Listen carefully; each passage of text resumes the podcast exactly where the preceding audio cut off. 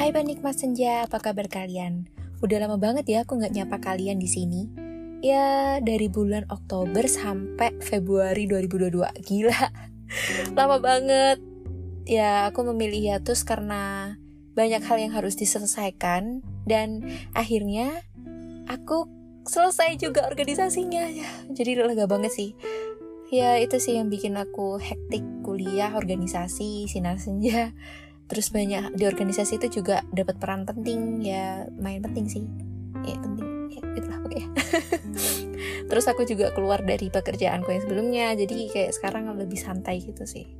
And I miss my old me gitu kayak kangen Amanda yang kerja santai. Soalnya sudah tiga tahun ya nggak santai gitu. Ya saatnya sekarang untuk fokus kuliah lurus sinar senja. Udah itu aja sih Terus apalagi ya? Hmm, di bulan Januari kemarin juga uh, banyak hal sedih yang datang. Jadi bulan Januari itu termasuk bulan-bulan yang berat padahal awal tahun loh ya. Awal bulan di tahun yang baru harapannya sih bahagia gitu ya, menemukan kebahagiaan. Tapi nyatanya enggak apa karena di di Desember 2021 itu bahagia jadi dibales dengan Januari yang sedih gitu. Ya mungkin begitu. Bisa memaknai hidup bisa seimbang jadinya. Terus di bulan Februari ini alhamdulillah sih udah lumayan baik ya kondisi hati dan pikiran. Jadi kayak balik lagi sih ke sinar senja. And today I just want to talk about my experience in my sadness January and a lot of quarter life crisis maybe yeah you talk about quarter life crisis because I know we all we had a shitty things jadi kayak kita tuh ngerasain yang namanya quarter life crisis sekarang Aku yakin kita semua ngerasain itu because quarter life crisis itu hadir di usia 20 sampai 30 tahun. Kalau ini aku baca di buku Mark Manson loh ya. Kalau misalnya kalian tanya quarter life crisis itu apa? Secara singkat quarter life crisis itu kayak kalian tuh bingung gitu loh sama arah tujuan hidup kalian tuh. Terus kalian merasa bahwa kalian insecure dengan sekeliling kalian yang teman-teman kalian udah yang melaju ke sana kemari gitu. Dan kamu merasa kamu masih di situ aja belum berkembang. Jadi I just want to tell about the story my story. In 1st January 2022 uh, aku harus dihadapkan.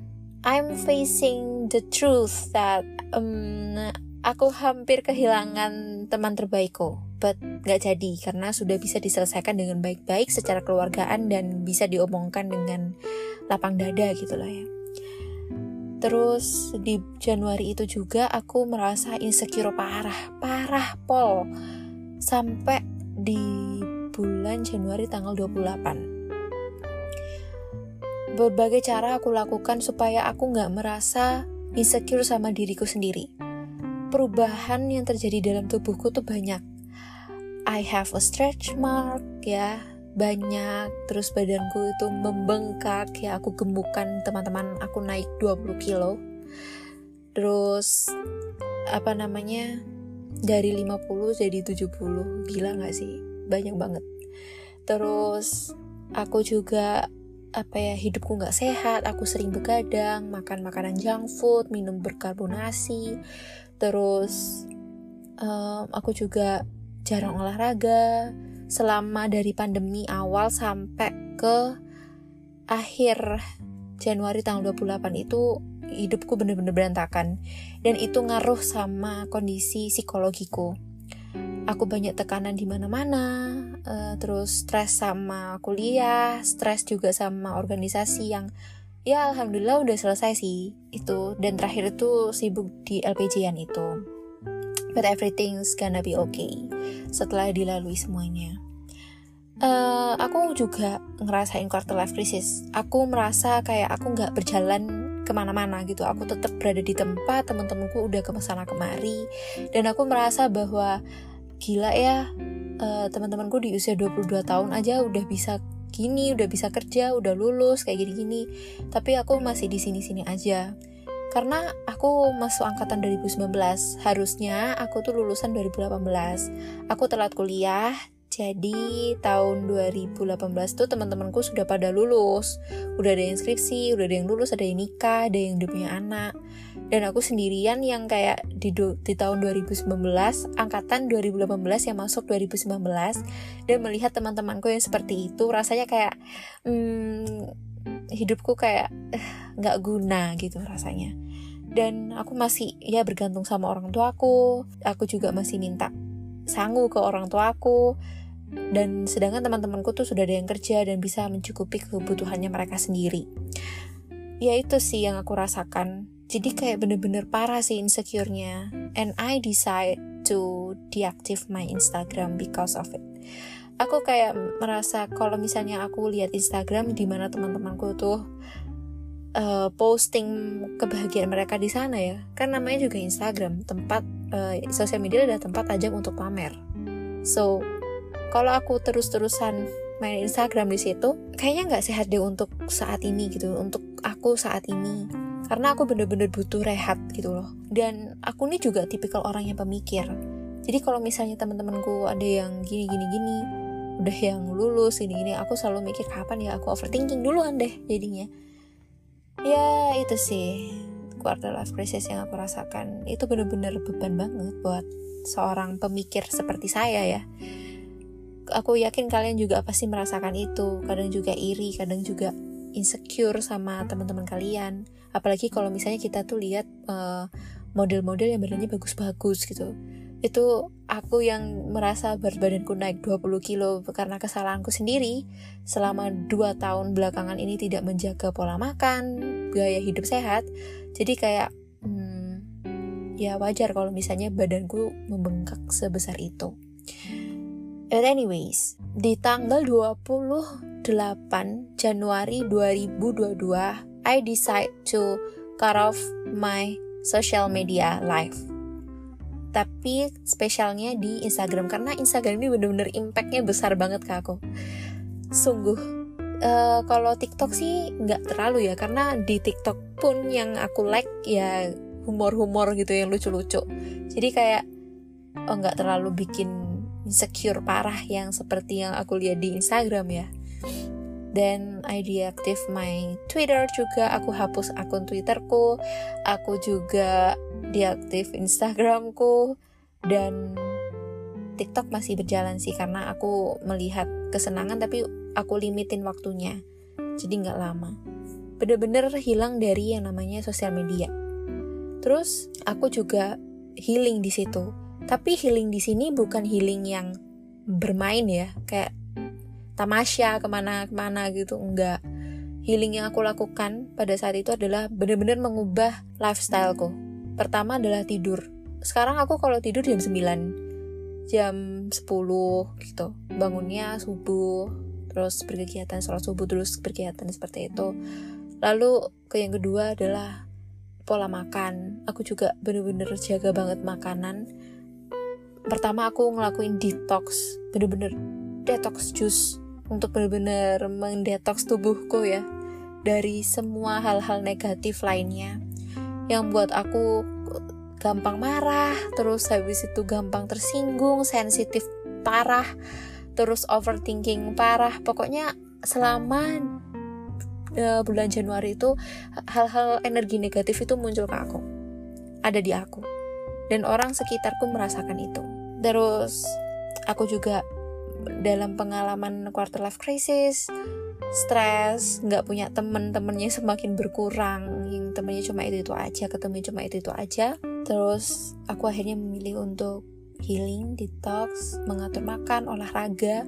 Olahraganya aku genjotin dari yang awalnya biasanya 30 menit per hari sekarang itu dari jadi sejam satu setengah jam untuk olahraga gitu ya. Supaya badan ini capek nanti di malam hari itu tinggal tidur gitu. Besok. Jadi nggak ada namanya istilah overthinking malam-malam. Jadi tinggal langsung tidur gitu. Aku juga ngelakuin hal-hal yang aku mau gitu. Karena selama enam bulan belakangan di semester 5 ini uh, kan kita juga nggak ada libur Natal dan Tahun Baru ya itu aku bener-bener stres banget sih. Kayak dikejar-kejar sama banyak deadline tugas yang gila sih. Ini bener-bener gak ada liburan Natal dan Tahun Baru terus tugasnya banyak pol. Jadi stres pol. Ya kita semua merasakan itu aku tahu. Jadi kayak ya udah deh uh, di bulan ini kan Februari ini libur ya libur satu bulan aku bener-bener mau menggunakan liburanku tuh dengan baik gitu. Bener-bener mau menggunakan liburanku untuk healing memperbaiki diri memperbaiki mental fisik dan lain-lain. Ya itulah pokoknya. Mau benerin diri dan menjadi lebih baik. Terus aku juga sering ketemu sama teman-temanku yang cuma itu itu aja, meskipun teman-temanku cuma itu itu aja, tapi mereka lah yang membuat aku tuh merasa bahwa ya aku layak untuk tinggal di dunia itu. Aku justru lebih senang berteman dengan mereka yang uh, mereka tuh menerima aku apa adanya tanpa harus meminta, tanpa harus menuntut, tanpa harus uh, embel-embel aku kaya atau gimana gitu ya. Itu nggak gitu. Jadi oke okay, aku berteman dengan mereka aku ngobrol sama mereka uh, menghabiskan waktu dengan mereka sampai bahkan aku nginep di kos kosannya mereka uh, di rumahnya mereka jadi uh, ada bonding secara emosional gitu antara aku dengan teman-temanku itu.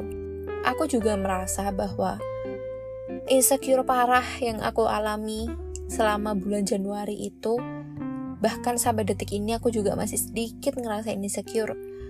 Kayak hmm, ngapain sih aku insecure gitu kemarin-kemarin? Toh aku juga punya kelebihan yang orang lain nggak punya gitu. Atau ngapain aku juga merasa stres dengan pemikiranku sendiri? Padahal aku sendiri juga nggak ngerti ke depan nanti aku gimana. Aku sampai mikir kayak gitu. Dan akhirnya aku tuh menyadari bahwa yang aku lakukan di bulan Januari quarter life crisis yang aku pikirin sampai aku stres sampai aku insecure sendirian terus bingung karpe dewe itu jadi kayak anjir buat apa sih aku mikir kayak gitu toh lagian ke depan aku juga nggak ngerti aku nanti kayak gimana. Ngapain aku mikirin masa depan yang jelas-jelas nggak pasti? Udah sekarang pikirin sesuatu yang pasti daripada ngejar sesuatu yang mungkin gitu. Karena sesuatu yang mungkin belum tentu jadi belum tentu jadi pasti gitu ya kan?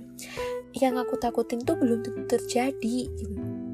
Akhirnya pelan-pelan aku kayak oh healing, relax. Aku juga meditasi, pelan-pelan meresapi atau menerima diri sendiri gitu ya. Kayak gak apa-apa kamu seperti ini gak apa-apa kamu sampai sekarang bertahan di sini bertahan cuma jalan di tempat. Kamu merasa seperti ini seperti itu naik 20 kilo banyak stretch mark di badanmu dan kekurangan-kekurangan yang aku rasa itu adalah kekurangan terbesar yang ada di tubuhku. Dan aku berusaha untuk menerima hal-hal negatif dan kekurangan yang ada di tubuhku. Jadi, gak cuma hal positif yang aku terima, tapi hal negatif juga. Dan pelan-pelan bisa diterima, Alhamdulillah di bulan ini dan detik ini aku sudah tidak terlalu seperti di bulan Januari kemarin. Ya itu sih, itu yang aku rasakan sekarang. Kalau misalnya banyak orang yang bilang healing-healing tapi nanti gak nggak sembuh sembuh gitu ya hey healing itu nggak satu hari langsung healing loh ya healing itu lama prosesnya. Bisa berhari-hari gitu. Untuk menerima diri sendiri itu susah loh. Aku bahkan menerima sendiri diriku sendiri yang banyak kekurangan itu bisa sampai ya semingguan. Dan itu nangis ya kayak menolak terus. Aku nggak mungkin menjadi orang yang kayak gitu. Aku nggak nggak mungkin kayak gini aku nggak mungkin kayak gitu kayak gini, gini. Banyak sekali denial yang aku lakukan, tapi denial ini yang gak bagus buat kita. Karena kadang kita itu harus menerima hal-hal negatif dan hal-hal positif kita. Jadi biar hidup ini seimbang gitu loh. Biar kita tahu, oh kita punya hal negatif seperti ini, kita nggak boleh ngelakuin ini. Jadi bisa jadi bahan evaluasi diri sendiri. But ya, alhamdulillahnya sih sekarang sudah ya bisa legowo lah ya. Menerima hal-hal yang baik gitu walaupun masih banyak kekurangan yang belum aku selesaikan belum belum aku perbaiki tapi pelan-pelan nanti juga pasti bisa diperbaiki gitu Terus tentang quarter life crisis yang aku alami, aku dari healing itu juga aku belajar bahwa nggak usah terlalu banyak berpikir gitu. Bahkan overthinking malam-malam yang 3 am, thoughts itu buang-buang waktu serius. Capek sendiri kita. Bahkan kalau kita begadang itu kasihan otak kasihan fisik kasihan mental kita coba deh kalian ubah lifestyle kalian itu tidur jam 10 bangun jam 4 terus kalian itu kalau yang Islam sholat kalau yang Hindu sembahyang kalau yang Protestan Kristen Katolik itu berdoa gitu. Terus langsung melakukan kegiatan tanpa tidur kembali. Asli itu rasanya enak banget. Keluar rumah ya hidup udara segar. Terus habis itu uh, kalau aku biasanya hidup udara segar minum minum air putih banyak-banyak satu botol terus olahraga terus sarapan dan langsung berkegiatan yang terserah kalian mau ngapain. Itu rasanya bener-bener enak banget banget banget. Jujur aku bener-bener apa ya meresapi alam ke dalam tubuh ya. Entah kalian mungkin kalian bilangnya terlalu puitis tapi kayak bener-bener merasapi alam semesta itu masuk ke dalam tubuh gitu loh. Jadi kayak ada apa ya ini istilahnya hmm, harmonisasi antara manusia dengan alam. Itu rasanya bener-bener enak banget fresh banget. Kayak hal-hal hal-hal yang negatif di tubuh kita tuh hilang gitu loh. Itu menyenangkan sih. Jadi proses healing yang aku alami itu bener-bener menyenangkan. Aku sebisa mungkin bangun sebelum matahari terbit. Kalau misalnya kita ubah mindset kita yang bilang ah nanti kalau kalau aku nggak begadang itu pekerjaan nggak selesai. Justru nggak efektif kalau harus dipaksa sampai malam. Mendingan tidur terus nanti bangun pagi terus ngerjain kegiatan itu. Aku juga merasa kemarin itu sempet sia-sia gitu loh ngerasa nangis sedih. Nggak ada yang sia-sia juga sih. Kalau misalnya nggak ada pengalaman sedih aku juga nggak bakalan membenarkan diri itu ya membenahi diriku sendiri. Mungkin aku tetap denial dengan hal-hal negatif yang aku rasakan yang ada di sekelilingku dan aku selalu menyebarkan negativity ke ke keluarga aku gitu. Ya aku nggak terlalu menyesali juga kemarin di bulan Januari itu sedih. Makanya di healing ini juga aku belajar bahwa jangan pernah menyesali segala sesuatu yang pernah lewat di hidupmu. Karena yang lewat di hidupmu itu adalah pelajaran berharga buat kamu untuk menjadi manusia yang lebih baik. Di awal tahun yang aku kira bakalan menjadi senang ya, tapi ternyata harus dihadapkan dulu dengan hal-hal yang sedih. But it's okay. Sometimes we need to cry. Jangan terlalu sering tertawa. Orang yang selalu tertawa itu pasti menyimpan banyak kesedihan. Ya gak sih? Ya itu sih, aku harap mungkin kalian yang sedang mengalami quarter life crisis sekarang, jangan jadikan patokan hidup manusia lain itu sebagai patokanmu. Don't, okay, don't do it. Kalau temanmu sudah settle dengan kehidupannya mereka, if they have a stable place in their own world, kamu jangan langsung ngejar-ngejar kepingin punya tempat yang sama sama mereka gitu karena kita tuh dilahirkan pasti berbeda. Ya, kamu pasti bisa lah berubah menjadi jauh lebih baik daripada mereka. Mungkin sekarang belum waktunya kamu tuh bisa menjadi kayak mereka. Misal, kalau teman-teman kalian sekarang udah kerja tapi kamu masih kuliah nih ya, ya udah, berarti tanggung jawabmu adalah fokus for your college and get your ijazah gitu. Kan uh, wajib kewajiban kita sebagai mahasiswa adalah menyelesaikan tugas kita sebagai mahasiswa sampai lulus ya kan udah fokusin aja dulu ke kuliah nggak usah terlalu mikir aku belum kerja aku masih belum punya uang sendiri ini ini ini nggak apa-apa. Rezeki orang tuh beda-beda jalannya beda-beda.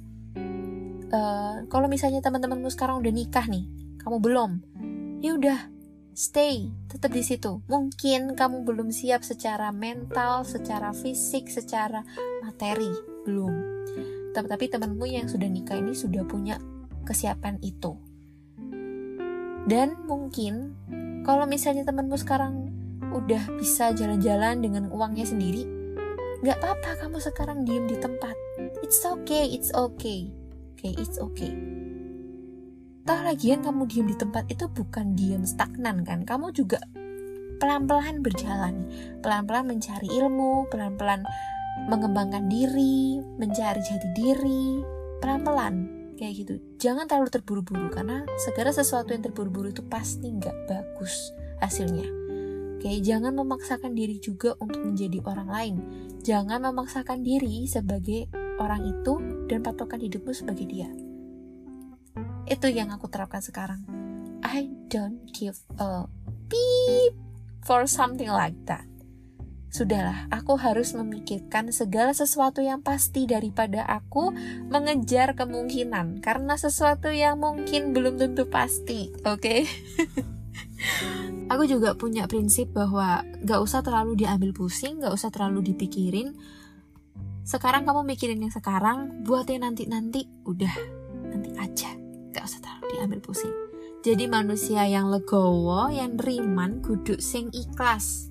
Bedo ikhlas ambek nerima itu beda sekali teman-teman. Ikhlas itu ya ya udah gitu. Tapi masih ada beban di hati. Tapi kalau nerima itu udah ya udah. Tapi let it go. Terima. Oh ya dia emang seperti itu. Jadi belajar menerima kondisi hidup kita kondisi diri sendiri dan kondisi orang lain. Ya itu sih yang aku rasakan selama ini. Dan maybe if you had the same experience like me kalian mungkin bisa belajar pelan-pelan belajar untuk menerima diri sendiri dulu. Pertama adalah menerima diri sendiri, menerima kekurangan kita. Karena itu adalah kunci kita untuk bisa keluar dari quarter life crisis. Sehingga kita bisa uh, pass ya, pass the challenge for life.